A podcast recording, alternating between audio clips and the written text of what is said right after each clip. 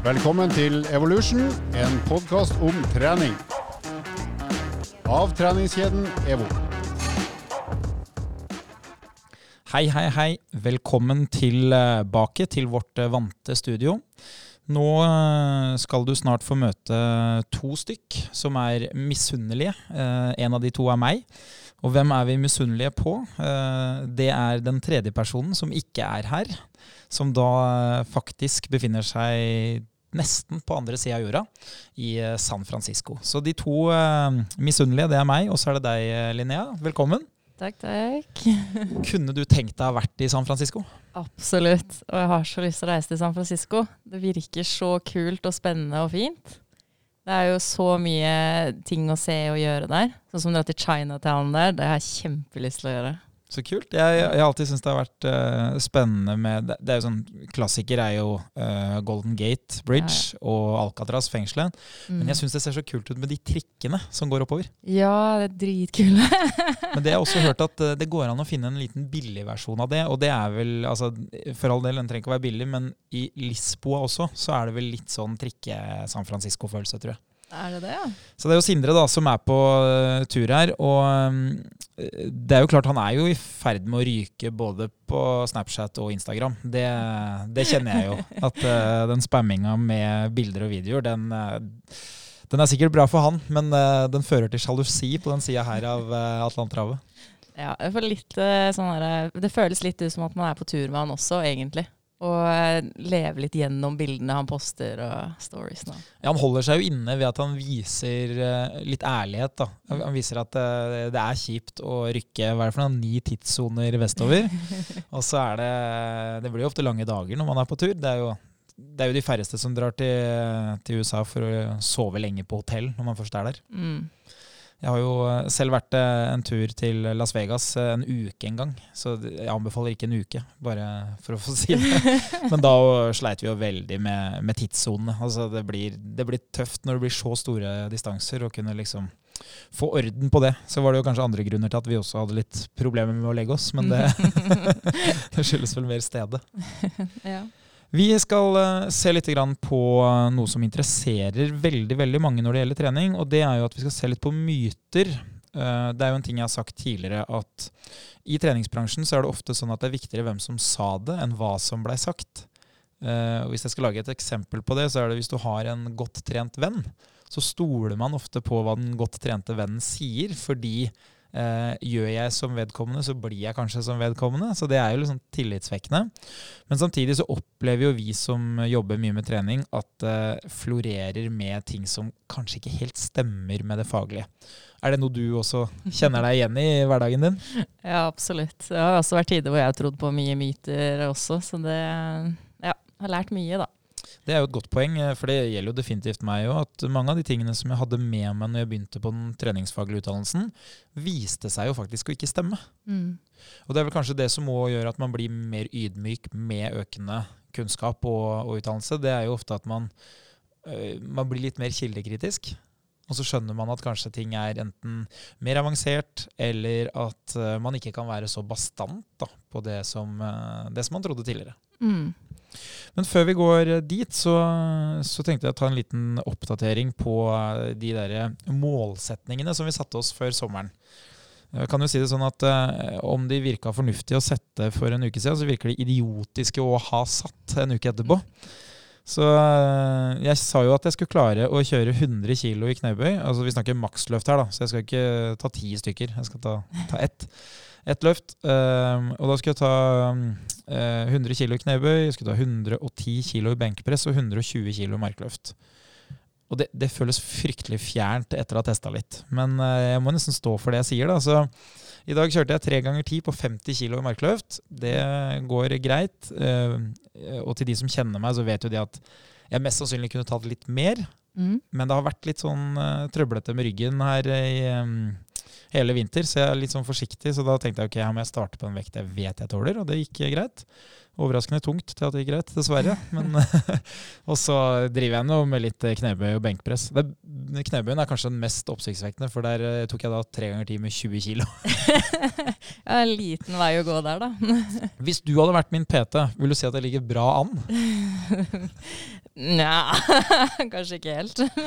Så du satser, du satser, stort på at uh, tidligere treningshistorikk redder mer? Mm. da er vi to, da er vi to.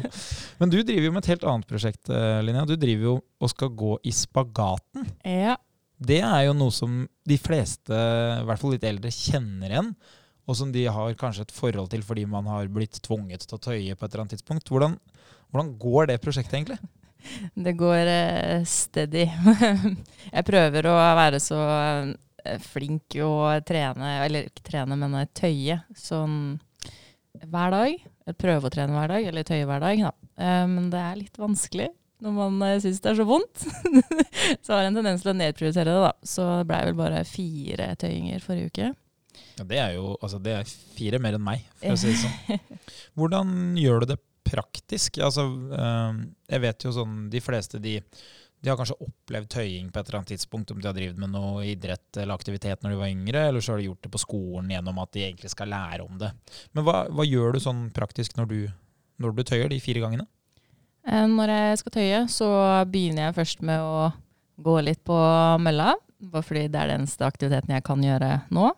For å bli litt varm i kroppen. Og så begynner jeg med noen dynamiske tøyeøvelser.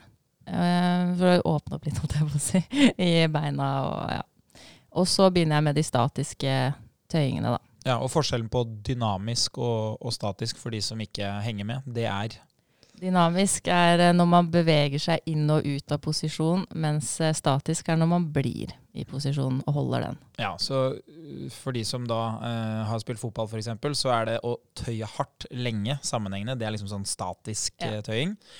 Mens det man ofte ser sånn sprintere gjør før start på en uh, 100 meter, drive og liksom bøye seg etter tæra sine, det er mer sånn dynamisk uh, tøying. Ja. Det som er litt spesielt når det kommer til de to tingene, da, så er det sånn at dynamisk tøying det vil jo ofte da forbedre prestasjonen hvis man skal drive med noe kraftutvikling, f.eks. styrkeløft eller sprint. da. Mm. Men statisk tøying det vil hemme prestasjonen. Så hvis du hadde satt deg ned, eh, eller stått da, for så vidt som sprinter, og tøyd knallhardt i 3 ganger 20 sekunder, så ville du løpt saktere. Mens hvis du driver med sånn eh, dynamisk tøying, så bygger man litt spenning i muskulaturen. Så det, det, er sånne ting som man kan ta med seg. Men uh, i det prosjektet ditt så handler det jo om å, å, skape større utveksling. Altså få lov til å rett og slett eh, åpne hofteleddet mer. Da. Ja. Har, det, har, det, blitt noe bedre resultat av å tøye? Eh, tja, jeg har tatt ned en kloss til da, på den steppkassa mi. Sist jeg hadde én kloss, og nå har jeg null kloss. Det, det, var jo litt synd, egentlig, for det betyr at det funker. Ja, det funker. Ja, Tyvær. Ja, ikke sant? Det er litt som jeg pleier å si til en del kunder, at det var jo veldig synd du ble i bedre form, da, for da må vi fortsette med det. Ja. Men hva tenker du å bruke det til? Er det bare et mål, eller har du noe, har du noe hensikt med det du driver med? Det er vel egentlig bare et mål og noe jeg kan fokusere på eh, fysisk, da, som jeg kan gjøre, som ikke er ja, begrensende, som det har vært med alt annet. Nei, det stemmer jo. Fordi akkurat nå så er jo du inne i en periode hvor du ikke trener. Mm. Rett og slett av den enkle grunnen at du ikke kan trene. Yep. Hvordan går dette? Det går, eh, det går, bedre og bedre uke for uke. Det, som jeg snakka litt om i forrige episode, var at eh, jeg var litt eh, Det var litt tungt de første to ukene i og med at jeg ikke kunne gå og trengte leie, og det var veldig mye syr. Men nå kan jeg jo faktisk gå aleine og jeg kan gå lenge, bare ikke så hardt at jeg blir andpusten, da. For det er, det er liksom, grensene er der, ikke sant. Men Og så savner jeg veldig å trene styrke. Så det hender jo at når jeg har PT-timer og skal vise øvelser, at jeg ikke gjør det uten vekter. At jeg gjør det kanskje med to kilos manualer, bare for å få inn en liten bevegelse. ikke sant? Så du, du, sniktrener litt? Sniktrener litt, ja. Og grunnen til at du ikke kan være i aktivitet, det skyldes jo rett og slett at uh, du har hatt noen utfordring med øyet? Ja. Øyet mitt. Netthinneløsning. Ja, det er jo ikke Det er kanskje ikke det man vil ha. Og der har du rett og slett operert? Jepp. Det har jeg gjort. Ja, Og nå er du forhåpentligvis på vei tilbake etter litt, uh, litt lengre ventetid enn det du tenkte? Ja, jeg forventa jo to uker. Det var det den første legen sa. Og så sa neste lege tre uker. Og så sa neste lege der igjen seks uker. Og nå er jeg på jeg tror jeg er på to uker til, da, var det jeg fikk høre nå. Det du er inne i nå, da, det er jo noe som veldig mange opplever. Og det er jo at uh, det som først var målsetninga, det endrer seg. Eller det som først var begrensninga eller muligheten, det endrer seg. Mm. Og hvis det er én ting jeg har erfart, da, både fra ja, helt tilbake til jeg var i Forsvaret, eller det jeg har erfart med egen trening og uh, liksom den mentale effekten av å trene, da, det å beherske at ting endrer seg sånn, det kommer man ofte veldig positivt ut av.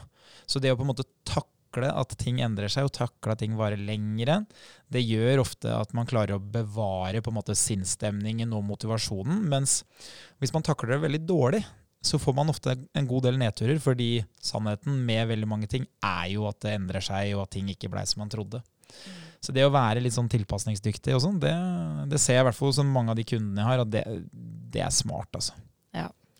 Jeg, kan, jeg merka jo sjøl at det var en liten nedtur, og så gikk det jo oppover når jeg begynte å sette meg litt nye mål og begynte å tenke i litt andre retninger, og ikke bare tenke på det, å shit, nå kommer jeg ikke til å klare 90 kg i rumensk morkeløp lenger, og tenke at å, nå blir jeg en sånn ballong som mister all lufta. ikke sant?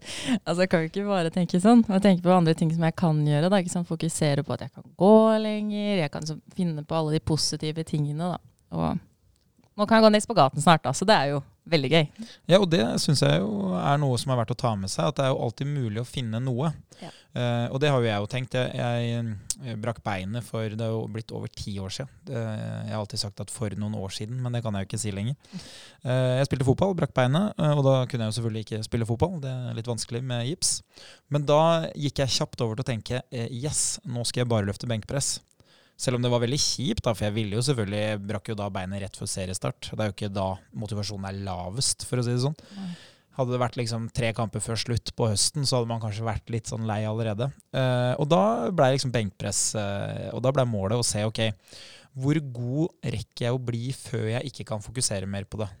Så det å liksom finne seg ting som man faktisk kan bruke tida si på, det, det tror jeg er smart. Altså. Mm. Og det hører jeg jo mange toppidrettsutøvere òg har gjort. Når de har vært uh, syke eller skada, så har de benytta seg av muligheten til å utforske eller utvikle andre ting da, enn det som, uh, som, er på en måte hovedgreia. Hvis vi ser litt videre, da. Når du uh, først får orden på øyet her og blir, blir bra igjen, så har det jo mest sannsynlig slutta å snø, som det nå har gjort i to dager i Oslo.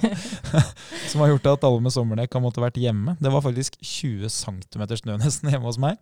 Ja. Men la oss si at det blir sol, da, som det forhåpentligvis skal bli. Mm. Hva, hva, kan du gjøre ute? Har du noen forslag til hva folk kan gjøre? Jeg vet at veldig mange ønsker da å benytte muligheten til å kombinere å være ute, og det å um, kunne trene og være i aktivitet. Har du noen sånne uh, ting som du liker, som du pleier å gjøre? Um, jeg er veldig glad i uh, å gå turer. Uh, kanskje gå opp noen topper. Og så er det jo ja, det er jo veldig fint å kunne gjøre litt styrketrening ute, da. Og da har vi jo veldig mange fine sånn, treningsparker rundt om, i hvert fall i Oslo-området, da. Eh, der man kan kjøre litt eh, heat-treninger og styrketreninger osv. Eh, ellers så er det jo eh, også noe ballspill. Det er jo gøy å få med noen venner ut og spille litt hoops, som Sindre hadde sagt. Eller jeg vet ikke. Eller volleyball, badminton osv. Og så er det noe som jeg egentlig har kjempelyst til å prøve, men det virker veldig slitsomt, og det er frisbeegolf. Slitsomt? Ja, det er jo liksom lange distanser. Du må liksom løpe etter den frisbeen din. Du må ikke løpe etter den, men du må ja, ja, selvfølgelig. For det blir jo liksom golf. Du ender jo med å gå ganske langt, rett og slett. Ja. Jeg tenker jo også det vil bli slitsomt mentalt, fordi uh, nå har jeg prøvd et par ganger, og det har vært slitsomt mentalt. Og det er jo fordi at uh, man er jo direkte dårlig sammenlignet med hva man trodde. I hvert fall jeg, da. Tenkte jo at det bør jo være en enkel sak. Ja. Jeg har jo kasta litt frisbee på en måte opp gjennom åra. Mm det var ikke en enkel sak. For når du begynner å skal ta i alt du kan, så blir det sånn som i tennis. Da begynner plutselig den der, eh, i det tilfellet her, da, den sendeplata, den, den, flyr jo ikke rett fram og langt. Den flyr jo ofte langt og langt til sida. Ja, ikke sant? Så det, ja, nei, jeg kan se for meg det. Ja. det men det er en morsom greie. Så det er jo, de fleste tenker jo ikke på at det kan være god aktivitet å drive med. da. Ikke? Det er liksom Nei, jeg vet ikke. Jeg, min erfaring er jo at man putter det ofte ikke på kontoen for liksom, fysisk aktivitet. Ja, nei, sant. Eh, Man tenker jo ikke på, for de ser jo på det som lek og moro. Man glemmer jo at eh, det er jo mye aktivitet i lek og moro. For eksempel når man drømmer drev med stiv heks og harn og sånt da man var liten. Hvor mye, altså, du spurta jo hele tida. Det er jo kjempebra trening. Man ser jo det ofte, at unger de, de er jo mye mer fysisk aktive enn voksne. Og det er jo ikke sånn at kroppene deres er så mye lettere enn kapasiteten. Altså, de er jo ikke, de er jo ikke så sterke som voksne er, de har ikke så god kondisjon. Så, så de er egentlig mer fysisk aktive og, og presser seg mer enn det voksne gjør. da. Og Der ser man jo at de fleste unger de har jo ikke tida til å gå engang. De har så Mhm. travelt, så de må faktisk da jogge eller kjøre hva er det for noe? indianerhopp. Indianerhopp. Ja, sånn der, når du hopper bortover uh, istedenfor å eh, løpe. Så, Ja. ja, nei, jeg tror det er et indianerhopp. altså. Vi får søke opp etterpå. Ja. Uh, en ting som jeg tenkte litt på før vi går videre til um, det som er dagens fokus, som er på en måte myter da, innenfor trening, så uh, tenkte jeg bare litt i forhold til det med utetrening. Uh, det vi ser da, det er at veldig veldig mange de ønsker å komme i gang med løping eller sykling utendørs. da. Noen ønsker jo gjerne å gå på rulleski, men de har ofte litt treningserfaring, for det er på en måte sjelden et innsteg til fysisk aktivitet. Det er ofte et resultat av at du har gått mye på ski eller gjort noe annet. Så hvis vi ser litt på det med løpe og sykle, så har jeg bare noen sånne enkle ting som jeg gjerne vil anbefale. Og det er at man fokuserer på at man bør, man bør ta det litt med ro fra start. Så når det gjelder løping, da, så prøv å ikke løpe for langt de første gangene. Fordi det er ganske tøft å begynne å skulle jogge enten på asfalt, som mange skal, eller hvis du skal begynne å jogge i skogen hvor det ikke er flatt. Så det, det er ganske mye tøffere enn å løpe helt flatt rolig på en mølle. Og det andre det er at på en mølle så har du bestemt farten på forhånd. Så det er veldig lett å vite at ok, forrige gang løp jeg på åtte, nå løper jeg på åtte og en halv. Det vet jeg går bra. Mens når du løper ute, så vil du få mye stigning. Det er ofte mye mer kupert. Og da er det jo sånn at uh, 2% stigning representerer jo ca. en km i, i timen, da, ikke sant. Som betyr da at det fort blir ganske mye tøffere. Så hvis du løper i lysløypa, og det er ganske kupert, så vil det bli det samme som at jeg hadde stått ved siden av deg på mølla og drevet og dytta farta opp kanskje både 1 og 2 og 3 km i timen, som hadde gjort at du ikke kunne løpt så lenge. Så derfor ha respekt for distanse, men ha også respekt for hastighet. Så uh, I starten så pleier jeg å si du skal løpe så sakte som mulig, men løp sammenhengende. Mm. Det vil på en måte være en greie. Og Det samme gjelder jo egentlig på sykkel òg, at man liksom har Der kan man holde på litt lengre, men det er dumt å sykle av seg all motivasjonen de første to-tre gangene. Da ville jeg heller tenkt at jeg kanskje skal bevare litt motivasjon, og så får jeg heller prøve å øke hyppigheten litt. da. Ja, det hørtes veldig kjent ut for min del. Jeg hadde et prosjekt forrige sommer hvor jeg skulle prøve å bli glad i å sykle. Pappa elsker å sykle, så um, jeg har jo alltid tenkt at okay, jeg må være med pappa på en tur. Så jeg vet ikke um, om folk skjønner det, men eh, jeg bor jo på Skedsmokorset, eller mamma og pappa bor på Skedsmokorset. Og da skulle vi sykle til Fettsund, eller til Nerd Nerdrum, det stedet før Fettsund. Og da er det egentlig bare nedover, og er det veldig sånn slakt og fint hele veien. Men tilbake igjen til Skedsmokorset, så er det jo oppover. Uh, ja, og det var ikke jeg helt forberedt på. så den sommeren det ble bare den ene turen, for jeg ble jo helt kjørt. Så du var motivert og umotivert på samme tur. Helt riktig. Jeg var sånn, jeg, da jeg kom fram til Nerdrum, jeg tenkte bare å herregud, nå var jeg helt rå. Dette her var kjempedeilig. Det var så fint å sykle, og fint vær, og det går så smooth. Og så kom jeg til Holt Vestvolden, og det bare er oppover. Nei, det ble for mye. Så hvis, du, hvis vi sier at uh, turen hadde slutta halvveis, da, Mm. så hadde du kanskje vært veldig motivert for å gjenta det en annen gang. Ja. Og så er det sånn at man har veldig lav grad av toleranse hvis man er ganske ny til noe. Så, så man skal liksom ikke ha så mange dårlige opplevelser før man ikke har så lyst til å gjøre det igjen. Mm. Mens hvis du hadde hatt si tre gode opplevelser, så kanskje du er mer villig til å finne deg i en dårlig opplevelse, men fortsatt gjenta det. Så det å manipulere seg selv litt i starten og skape gode opplevelser, det er ikke dumt, altså. Det, Dumt. jeg anbefaler én ting da på sykkeltur, Mm. og det er jo å ha isstopp. Isstopp. Ja, Så man har mål om å sykle et sted. Der spiser man is, f.eks., og så sykler man tilbake igjen. Ja. Det kunne vært lunsj òg, for så vidt. Mm. Men eh, det gjør liksom turen litt mer innholdsrik og, og litt mer verdifull ofte. da. ja. Så det, det er tips jeg har. Så kan du gjerne sykle én kilometer, spise is og tilbake igjen. Eller om det er ti kilometer. Det, det er ikke så farlig for meg. Men det er i hvert fall en mulighet. Du, la oss uh, gå videre her til uh, disse mytene.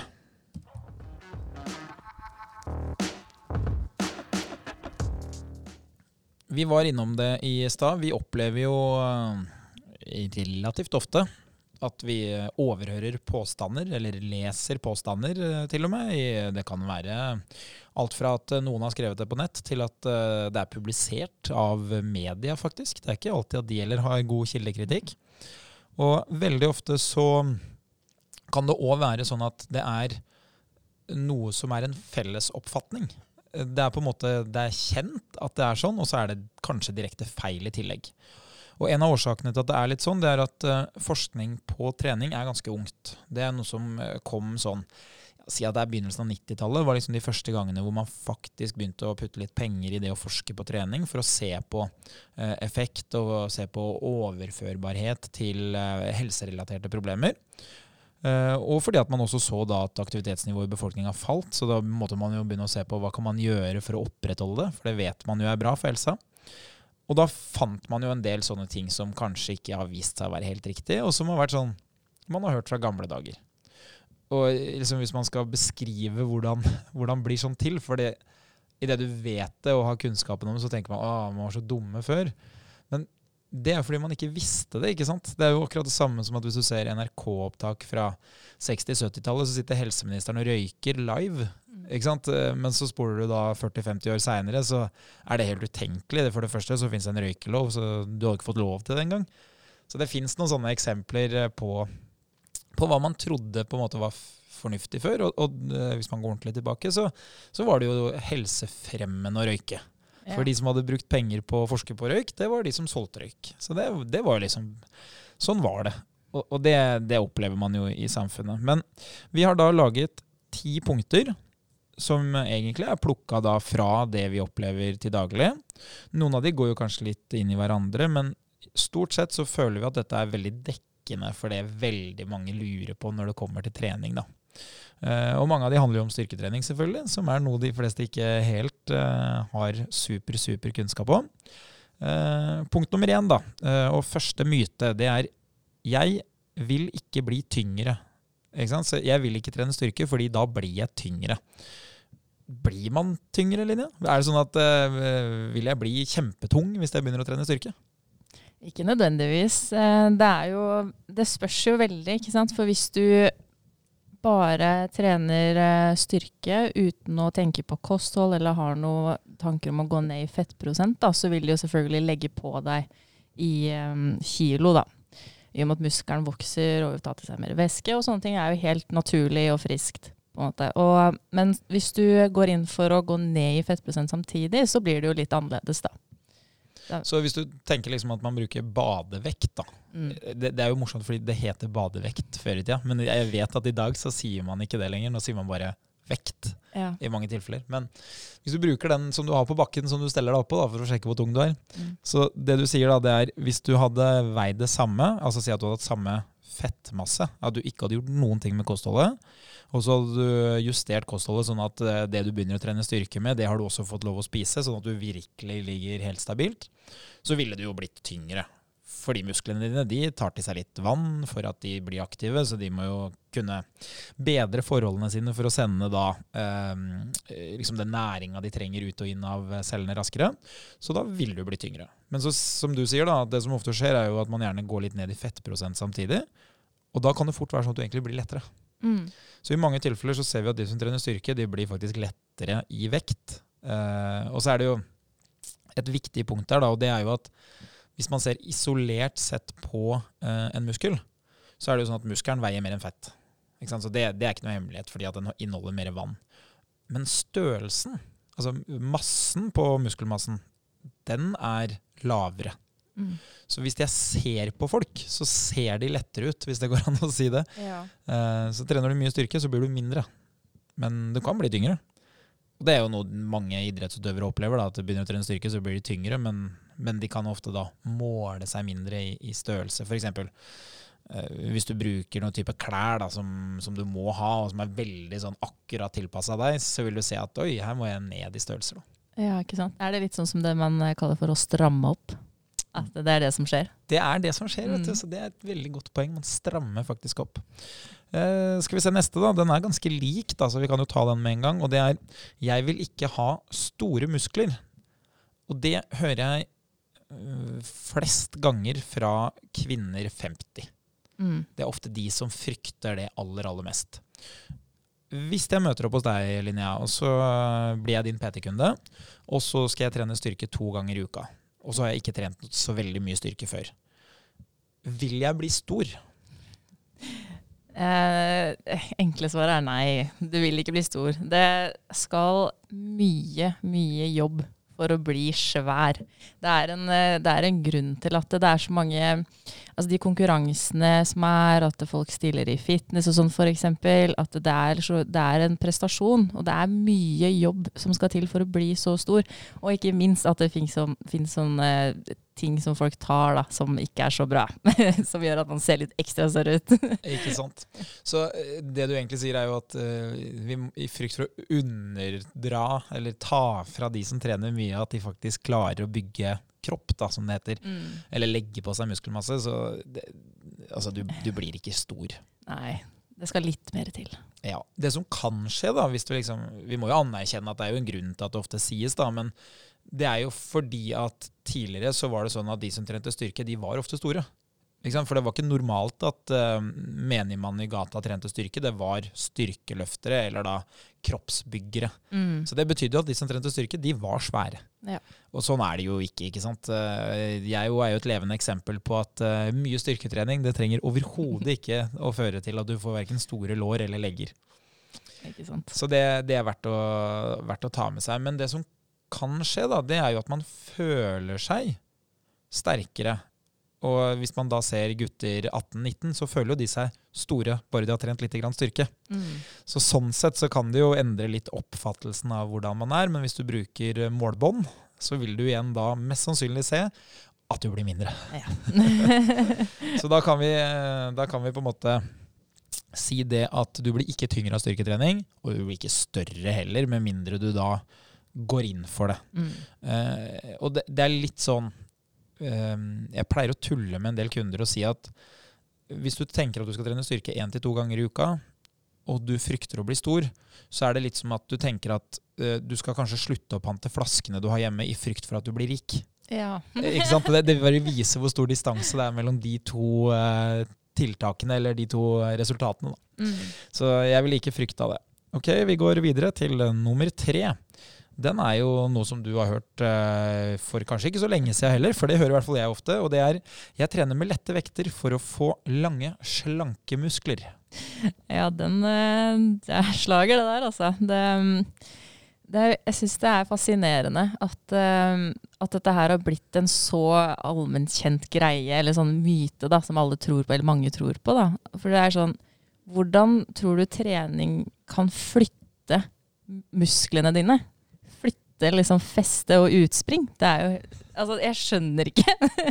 Men samtidig så er det jo litt sånn derre Eh, jeg har hørt mye sånn, I Kina så er det veldig populært at man tenker at å, hvis, du, hvis du svømmer, og hvis du gjør sånne lange, store bevegelser Hvis du tøyer, å, da får du sånne lange, fine muskler. Det er som om armen din vokser bare fordi du tøyer. det er jo helt sjukt. Det, det, der nevner du noe som er et utrolig bra poeng, og det er jo at svømmere er jo på en måte noe man eh, tenker på som lange, slanke. Mm. Eh, men som da er lange, slanke rett og slett på bakgrunn av arbeidskravet. Eh, og arbeidskravet er Det vil være en fordel å være høy og ha Mm. lange armer. Ja. Så de som blir gode i svømming, de er ofte høye og har lange armer. Og så vil det være en fordel å være tynn, for du skal nå da bevege deg i vannet, samtidig som du må ha kraft. Og da blir ofte de beste svømmerne til å være da lange, slanke, sterke, men ikke så fullt muskuløse mennesker. Mm. Ikke sant? Så, så det vi ser, er jo da på en måte arbeidskravet. Det som overrasker meg, er at øh, kort og stutt øh, muskelmasse har fått ufortjent dårlig rykte. For, for det opplever jeg jo at en del gutter 18-19-20 de vil jo gjerne ha det motsatte. Ja. Så det, det syns jeg har eh, blitt nedprioritert. Men som du var inne på her, da, som er sånn rent fysiologisk, så er det jo sånn at eh, en muskel har jo da gjerne et utspring og et feste. altså da, En muskel den jobber da med å få et ledd til å bevege seg. Så ved at muskelen da kontraherer eller trekker seg sammen, så vil det leddet bevege seg. Og de tingene endrer seg ikke. Altså, øh, Håper virkelig ikke det skjer. For hvis det, utspring eller feste endrer hvor det er festa, så har du et problem. Det, det gjør vondt, og det er et problem. Ja. Eh, Så det betyr at vi får ikke gjort så mye med hvor lang muskelen er. Det man kan gjøre noe med, det er tykkelsen på muskelen. Altså da eh, tverrsnittet av muskelen. Da. Og det endrer man jo gjerne ved at man trener. Men ved å tøye så vil du ikke få lengre muskler. Så hvis du tar en linjal og måler muskelen din altså Hvis vi hadde gjort det før du begynte dette prosjektet med å gå i spagaten, så ville man sett at lengden på muskelen i hvile, den er den samme. Men det som du får lov til, er jo når du tøyer, da, eh, og du får lov til å eh, åpne hofteleddet mer, så får man jo faktisk litt lengre muskel akkurat mens du gjør det, fordi det blir en lengre avstand fra utspring til feste. Men selve muskelen blir egentlig ikke lengre. Det som endrer seg, er jo at eh, nervene dine, som da sier ifra at dette er en jækla dårlig idé, det gjør skikkelig vondt, Mm. de blir mer og mer tolerante i form av at de tillater deg å faktisk da ha det bevegelsesutslaget. da. Så eh, det som, hvis man forfølger den, da, så betyr jo det at da må du jo gå rundt med strekte ledd hvis du skal ha lange, slanke muskler. Da må, du, da må du ha veldig stor avstand mellom beina dine, så du gå med sånn en meter mellomrom mellom beina. Som igjen da fører til at da blir rumpa kanskje litt eh, kortere og stuttere, da, fordi da har du jo, har du jo dytta lårbeinet nærmere hofta di. Så jeg tror det er en dårlig strategi å, å prøve å, å ha lange, slanke muskler mens du hviler. Ja. Så det, det er vanskelig å få til. Så lange, slanke muskler er jo ofte noe man får som et resultat av at man driver med noe. Og det er jo ikke det at de er lange og slanke, det er at de menneskene som driver med det, er ofte høye, slanke. ja, det er akkurat det. Så man kan jo si det sånn at uh, høydehopper, volleyballspiller, vil jeg også karakterisere som lange, slanke. Mm.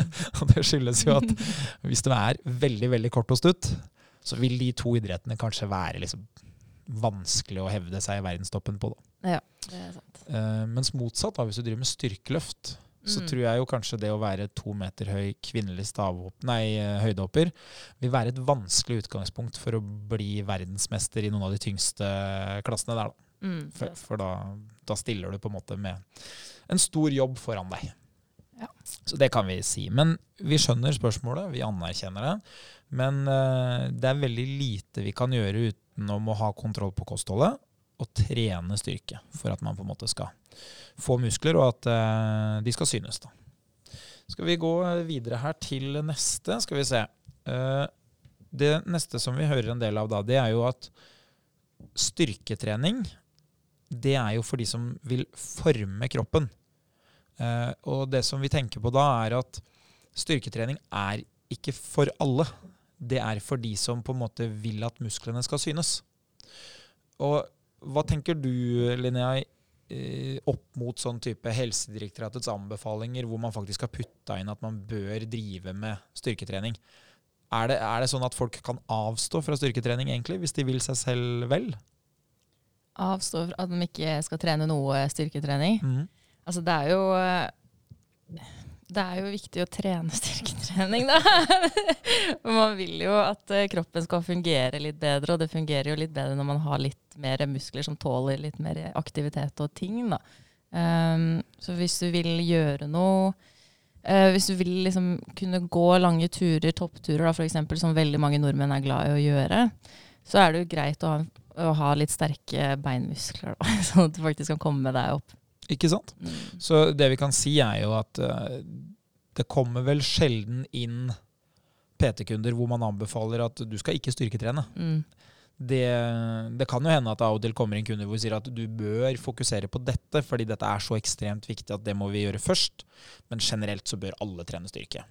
Og sånn hovedgrunnen til at du bør trene styrke, det er jo fordi at det å bare være i live og gjøre vanlige ting, det byr jo på en form for belastning eller slitasje på kroppen. Som du sier, da, hvis du skal gå litt i motbakke f.eks. Og, og det trenger jo ikke å være at man går topptur heller. Det kan jo være at man må gå litt trapp, eller at man må bære noe. Si at du får et barn, og plutselig så må du bære det barnet Mm. rundt. For det er liksom det er eneste løsning, nesten. Så vil det være sånn at hvis du da har styrketrent på forhånd, så vil kroppen din ha et litt høyere potensial og tåle litt mer belastning enn den belastninga som oppgaven påfører deg. Og det vil gjøre at kroppen din ikke vil i så stor grad ha risiko for å få skader, belastningsskader. Uh, mens derimot, hvis du ikke har gjort noen verdens ting, og så blir du utsatt for belastning som du ikke kan frastå, da. Si igjen, du får et barn. Det er liksom vanskelig å si at nei, du, sorry, uh, pappa han har ikke trent nok, så jeg kan ikke løfte deg opp av senga når du ligger der og gråter, fordi kroppen min tåler ikke det, rett og slett. Det gjør jo heldigvis de færreste. Og det det ender med da, er jo ofte at man får sånn litt vondt i ryggen eller litt vondt i skuldra, eller Og det er jo da i mange tilfeller knytta til at man ikke tåler den belastninga som plutselig kommer, og som man ikke kan komme seg unna. Igjen, det ser man nå hvis man begynner med en type aktivitet. Det kan være at man begynner å gå på ski, så får man da vondt på baksida av låret eller på baksida av arma. Og det er jo bare fordi at skigåing krever jo da en eller annen type bevegelse, og den bevegelsen den skal du gjenta mange, mange ganger. Og så er ikke musklene de er ikke klare for det. Mm. Og så er formen god nok til at du kan gjenta bevegelsen så lenge at det blir et problem. da. Så vi anbefaler alle styrketrening, og vi anbefaler jo da at man i hovedsak sørger for at man styrketrener de store muskelgruppene. Og så må man jo gjerne forme kroppen hvis det er viktig. Men det ville jeg tenkt at det er på en måte en sånn eh, I et hierarki da over viktighet så vil jeg si at det er ganske høyt oppe på eh, Dette gjør jeg fordi at eh, jeg kan, og ikke fordi at jeg må. Mm. Så da har du dekt liksom de nederste delene i pyramiden, og så er dette her ganske høyt oppe. da. Ja. Hvis vi hopper videre da, til en, eh, en, myte som eh, Det er kanskje en av de aller, aller vanligste mytene. Og det er styrketrening av magen er viktig for å få flatere mage. Hvis jeg kommer til deg og sier uh, min ambisjon her nå i sommer og mitt viktigste mål i livet, det er at jeg skal ha en sånn uh, rekkesekser nede på huk her. Jeg skal da ha jeg skal sixpack. Det skal se knallbra ut må jeg da hive meg ned og kjøre situps i en time flere dager i uka? Nei, ikke nødvendigvis, nei. Eh, det beste er vel å se litt på kostholdet.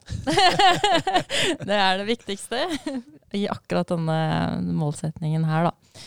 Eh, det er jo ikke sånn at eh, man får flatere mage bare fordi man trener og kjenner at man har magemuskler eller er liksom støl i magen. Da.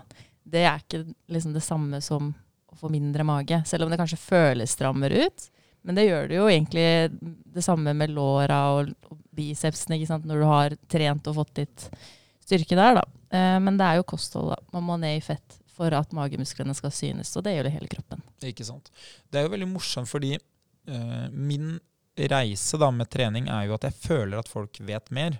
Så jeg, jeg, føler at kunnskapen er høyere i dag enn det han var for f.eks. 10-12-15 år siden. Men samtidig så observerer jeg jo at det fremdeles ligger ganske mange på bakken og eh, kjører på med mageøvelser.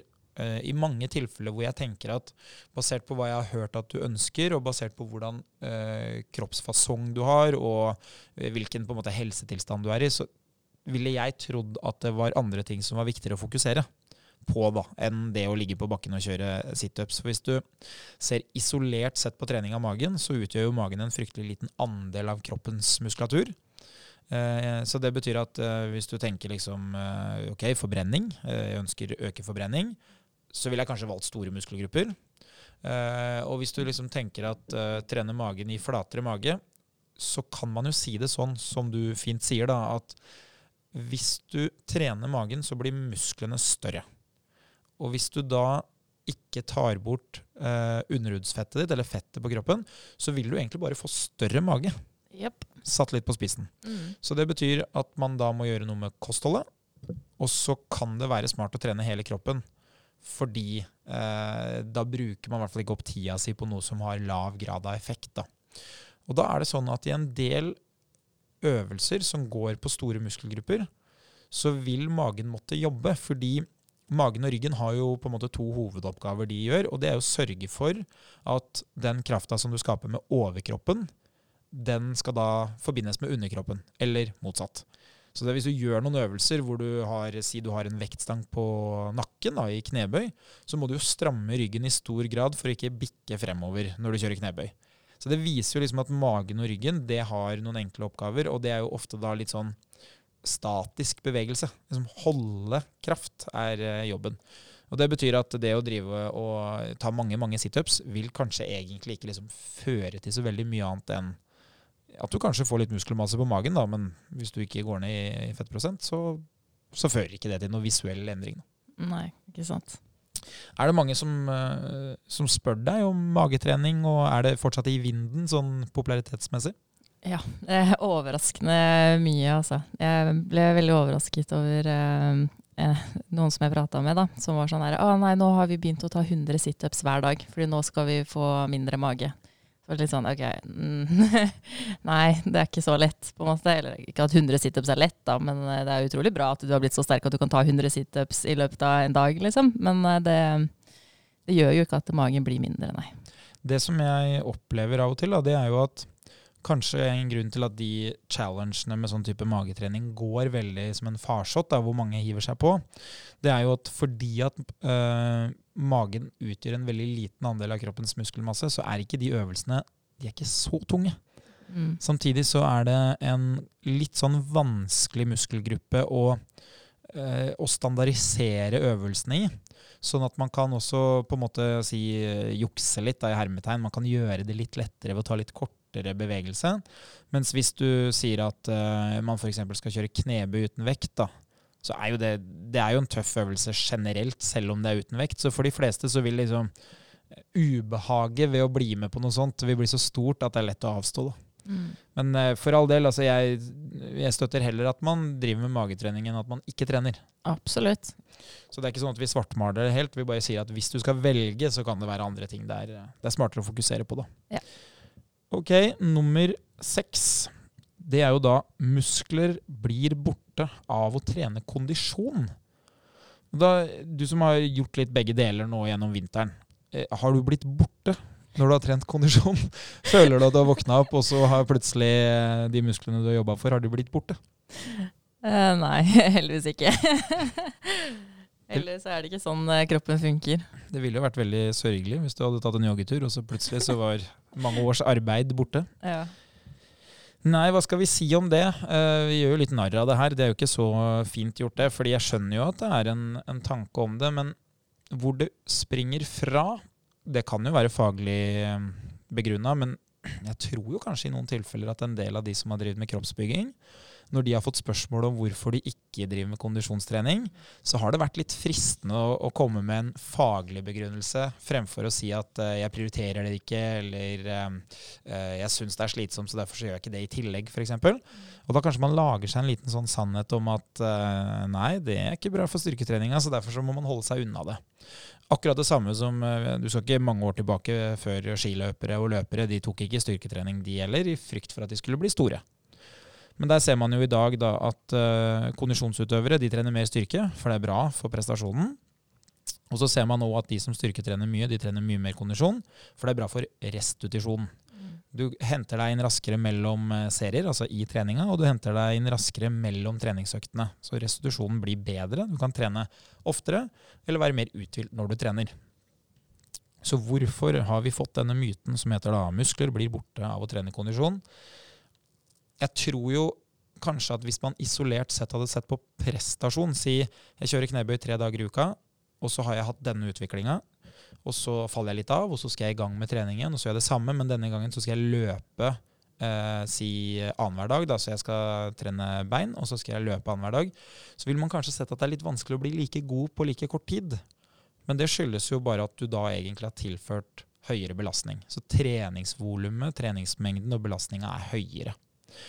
Så det er jo utfordringa med å drive med kondisjon og styrketrening. Det er at planlegginga og eh, progresjon, altså hvor mye ting skal bli tyngre for hver gang, må tilpasses at du har et høyere treningsvolum. Så i utgangspunktet så blir ikke musklene borte. Det er bare litt vanskeligere å få plass til alt i en vanlig treningsuke.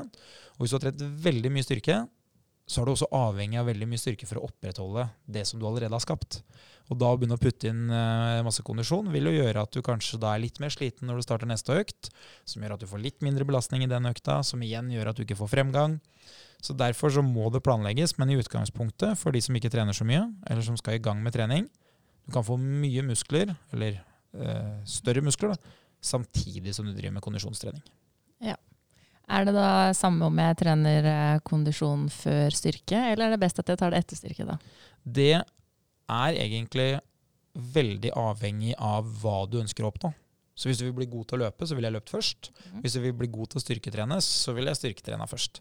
For det som skjer, er jo at eh, når økta bytter karakter, da, si at du går fra løpe til å trene styrke, så har du jo brukt masse energi. Så hvis du da sier at du skal kjøre knebøy, da, men du skal løpe 10 km først, så vil du være mye mye mer sliten når du begynner på knebøy, enn om du hadde gjort det til å begynne med i økta når du er uthvilt. Så fokus må på en måte avgjøre rekkefølgen, da. Ja. Hva med deg og dine kunder? Trener de begge deler, eller trener de mest én av delene, eller hvordan løser de det?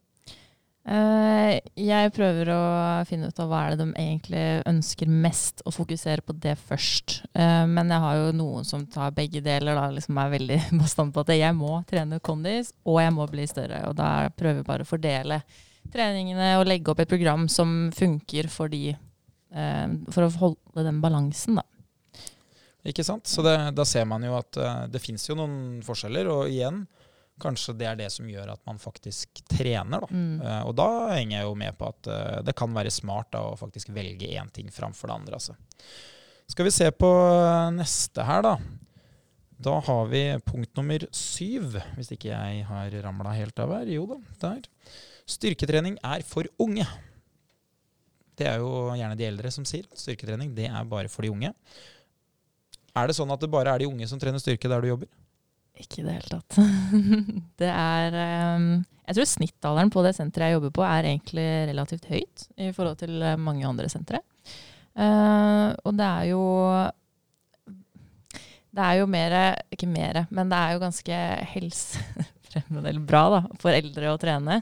Spesielt eh, når man begynner å få litt sånne slitasje og sykdommer, holdt jeg på å si, sånn artrose og sånne ting, som rammer de fleste eldre. Og da vil de jo faktisk merke en stor forskjell når de faktisk begynner å trene styrke.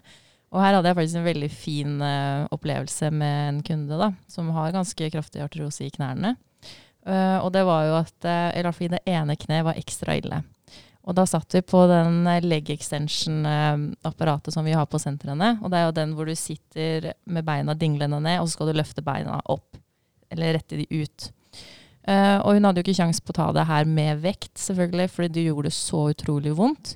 Men på det første så så du så stor forskjell på de beina. Den som ikke hadde så mye artrose, eller ikke hadde så vondt i, gikk rett opp. Mens den andre, den hang litt etter. Og så fortsatte vi å gjøre det her på samme dag, da, samme økt. Vi gjorde, hun fortsatte tross av smerten, jobba på. Og på den tiende repetisjonen uten vekter, så kom begge to opp samtidig og like høyt. Og hun fikk en så aha- og mestringsopplevelse. Det var så, det var så utrolig fint å se, da. Og nå begynner vi jo, skal begynne å belaste litt mer og utfordre den smerten som kommer.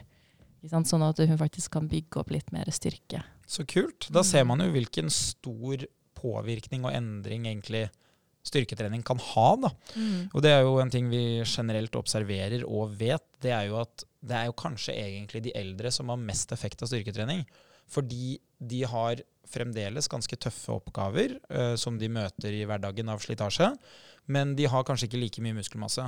Mens yngre har gjerne vært aktive for ikke så lenge siden, har kanskje fortsatt ganske god muskelmasse, og vil da være bedre rusta for å møte de oppgavene. da. Så det er jo noe vi, noe vi ser, altså. Skal vi se da på, på neste punkt. Nummer åtte. Jobben min er tung. Det holder for meg.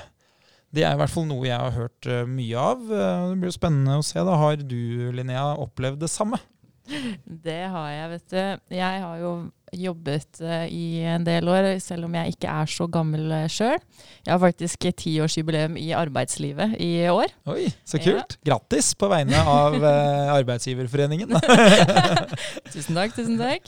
Eh, og det har jeg gjort at jeg har jobba med en del fysiske jobber, da. Eksempel første jobben min var jo på McDonald's, og da sto man jo hele dagen. Eh, og Um, og der så merka jeg allerede litt forskjeller på folk som trente på fritida og ikke. For eksempel, jeg var jo veldig flink og trente på den tida, så, så jeg slapp jo selvfølgelig mye smerter uh, i rygg og bein. Og um, det jeg så på kollegaene mine som begynte å trene etter hvert, var jo at de kjente at og det går bedre. De trengte ikke alle de ti forskjellige sålene, det, det hjalp aldri med ekstra utstyr. Det som faktisk funka, var at de faktisk begynte å trene. Uh, og dette merka jeg jo da på alle de andre jobbene mine også, som på Espressa, altså med kaffe, og så jobba jeg på Posten, hvor det var veldig fysisk i forhold til de andre, da. For da var det mer tyngre løft. Vi skulle løfte på kassetter og flytte på paller, og det var mye mer sånne type oppgaver, da.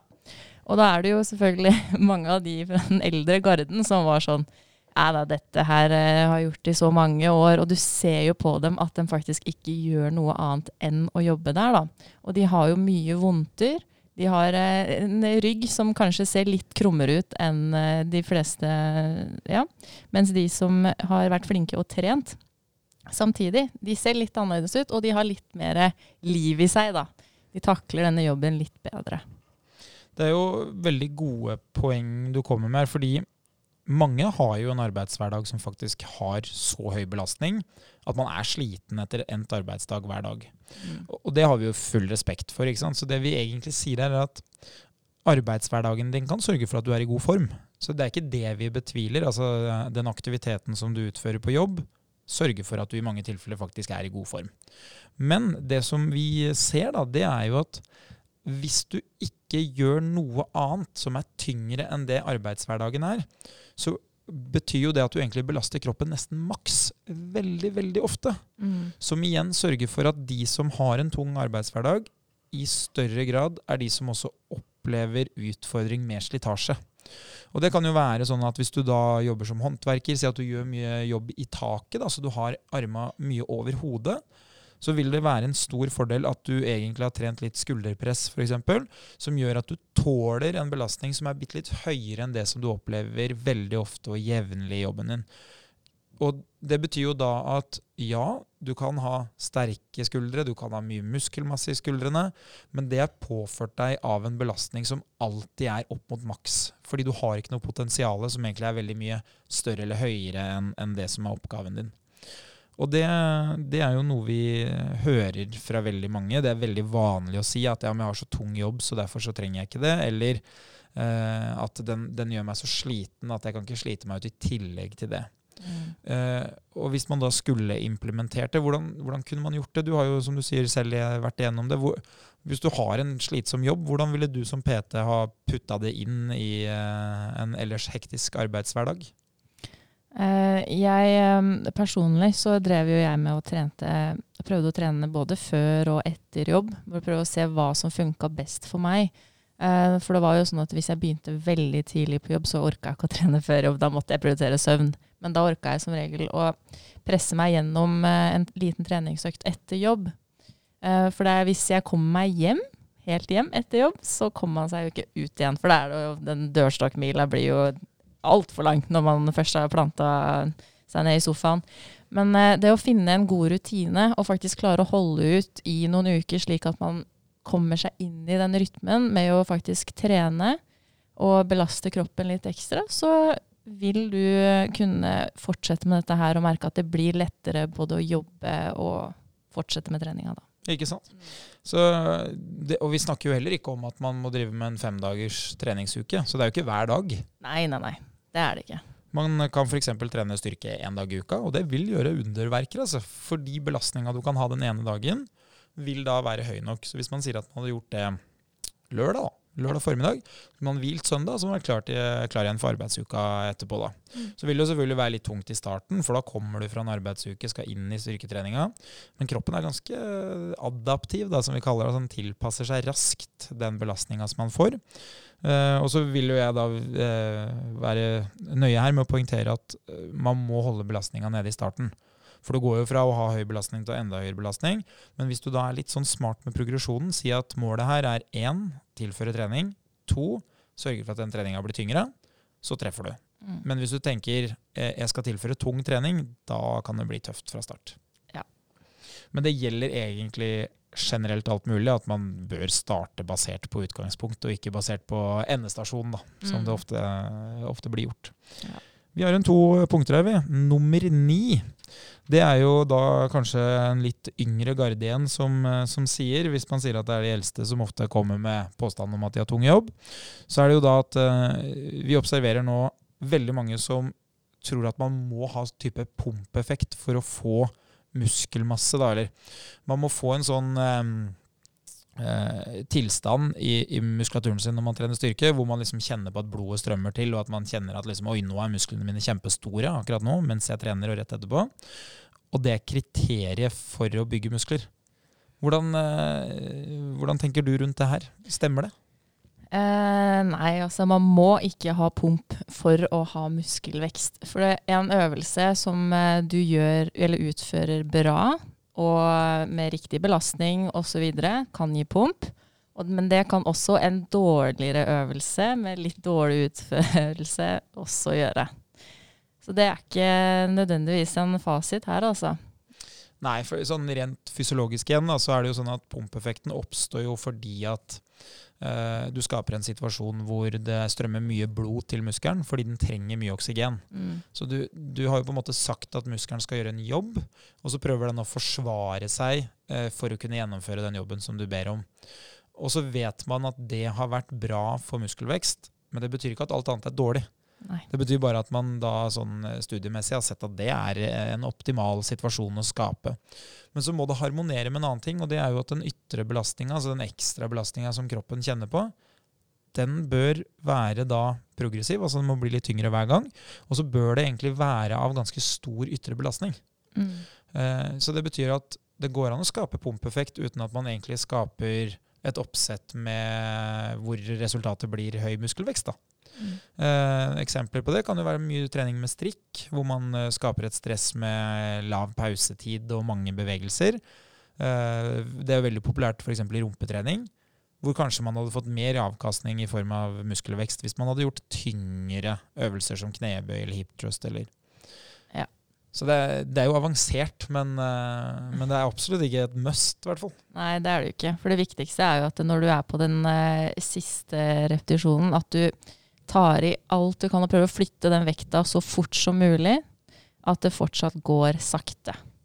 Da vet du at du har trent hardt nok. Ja, det er jo en kjempebeskrivelse. At hastigheten er lav, selv om du egentlig ønsker at den skal være høy. Mm. Da vet man at belastninga er eh, Og så i motsatt ende prøver man jo å unngå at eh, du tror du har bevegelse, men det står stille. Mm. Da har det blitt for tungt. ja. Eh, da har vi kommet til eh, siste stasjon, vi. Det er jo da nummer ti. Og det igjen er jo da kanskje samme aldersgruppe som forrige. Og det er du må spise mye protein for å få muskler. Altså Hvis du skal bygge muskler, hvis du skal bli eh, stor og sterk, da, da må du på med haugevis med protein. Er det sånn? Altså Må man ha mye protein for å, for å få muskler, rett og slett? Uh, altså det, man må jo ha litt protein. altså Må jo ha nok proteiner for å faktisk fylle uh, opp næringen igjen i musklene osv. At man får de byggesteinene på plass. da. Men man trenger ikke å overdrive. Det er ikke sånn at du må spise en kilo med protein om dagen. Nei. Og det er jo et veldig godt poeng at uh, sånn Man kan nesten si det litt sånn strengt sagt at man pisser ut det som man putter inn, for det blir for mye av det til tider. da. Så eh? Du nevner én, man må ha nok protein til å tåle endringen. Og det er jo viktig, fordi proteiner er jo byggeklossene uh, som gjenoppbygger cellene, som, altså muskelcellene. da. Uh, men så vet man at i sånn generelt godt norsk kosthold så får man i seg ganske mye protein hvis man spiser en del type uh, sånn ost da, eller melkeprodukter og sånt, som inneholder mye protein. Og så kan det jo hende at man av og til skal ha et større fokus på det hvis man trener mye styrke. Men det å overdrive og putte inn mye ekstra protein, det vil ikke føre til at kroppen klarer å ta opp mer. Så vi er på en måte en begrensende faktor, ikke tilgangen til, til protein. da. Og så er det jo en ting jeg observerer i sånn motsatt konsekvens, da, på en måte, og det er jo at man egentlig er på jakt etter å se bedre trent ut. Altså da gjerne litt mer muskler, litt mindre eh, fett på kroppen. Og da kan det jo være lite hensiktsmessig å drive og fyre på med type sånn proteinshaker, Mm. som i, i tillegg til å inneholde protein, da faktisk eh, har jo et kaloriinnhold. Som gjør at du øker jo da energimengden som du inntar, og da må du jo ta det ut på en eller annen måte. da, Og hvis ikke hvileforbrenninga di er høy nok, så må du trene enda mer. da. Mm. Ja, det er sant. Jeg har jo hørt Jeg har gjort det selv også, for så vidt, eh, i en tidligere slankeperiode. hvor jeg har ikke gjort noe særlig endringer med kosthold, men jeg har egentlig bare jeg har trent mer. Og så har jeg slengt på med proteinshake. Og det har gjort at jeg ikke gikk ned i noe vekt eller fettprosent. Men jeg ble jo sterkere, men jeg gikk ikke ned, som egentlig, som, som egentlig var målet, da. Ikke sant. Nei, Det er jo veldig beskrivende, og det er nok mange som opplever det. At uh, det å trene gjør at man tilfører kostholdet litt ekstra, og så ender man opp med å kanskje spise opp det man trener, rett og slett. Mm. Og så vil jeg jo si at i motsatt eh, ende da, så er det jo lite gunstig å ha lite protein hvis du trener mye styrke. Men i en ganske lang fase så er det mulig å bygge muskelmasse selv om man er short på protein, da. Som ikke er gunstig, som sagt, men, mm. men kroppen er den er så tilpasningsdyktig at hvis belastninga øker, så vil som regel kroppen svare da, som et forsvar med å danne muskelmasse for å liksom passe seg for at det blir for tungt neste gang. Da. Mm. Da har dere vært igjennom ti ulike myter som eh, vi både overhører, opplever og leser eh, ulike steder. Så vi håper jo det har vært uh, nyttig, og at uh, man kanskje da kan gjøre litt tilpasninger i egen treningshverdag. Man kan kanskje hjelpe noen rundt seg, eller man kan ta enda litt bedre valg da, for å få gode resultater i sin egen treningshverdag. Vi håper jo at det er interessant å høre på, så vi setter jo pris på alle gode tilbakemeldinger som vi opplever. I tillegg så vil vi oppfordre da til at man fortsetter å sende inn spørsmål. Vi eh, ønsker jo å bidra til at uh, ting blir litt lettere og, og, litt mer tydelig forklart. Så uh, hvis du lurer på noe, så er det bare å sende det til en av oss personlig. Jeg får av og til meldinger, så jeg prøver å samle det opp så vi kan få det ut på lufta her. Så inntil videre ønsker vi dere en god treningshverdag, og på gjenhør. Vil du vite mer om trening, abonner på podkasten og sjekk ut vårt treningsmagasin på evo.no.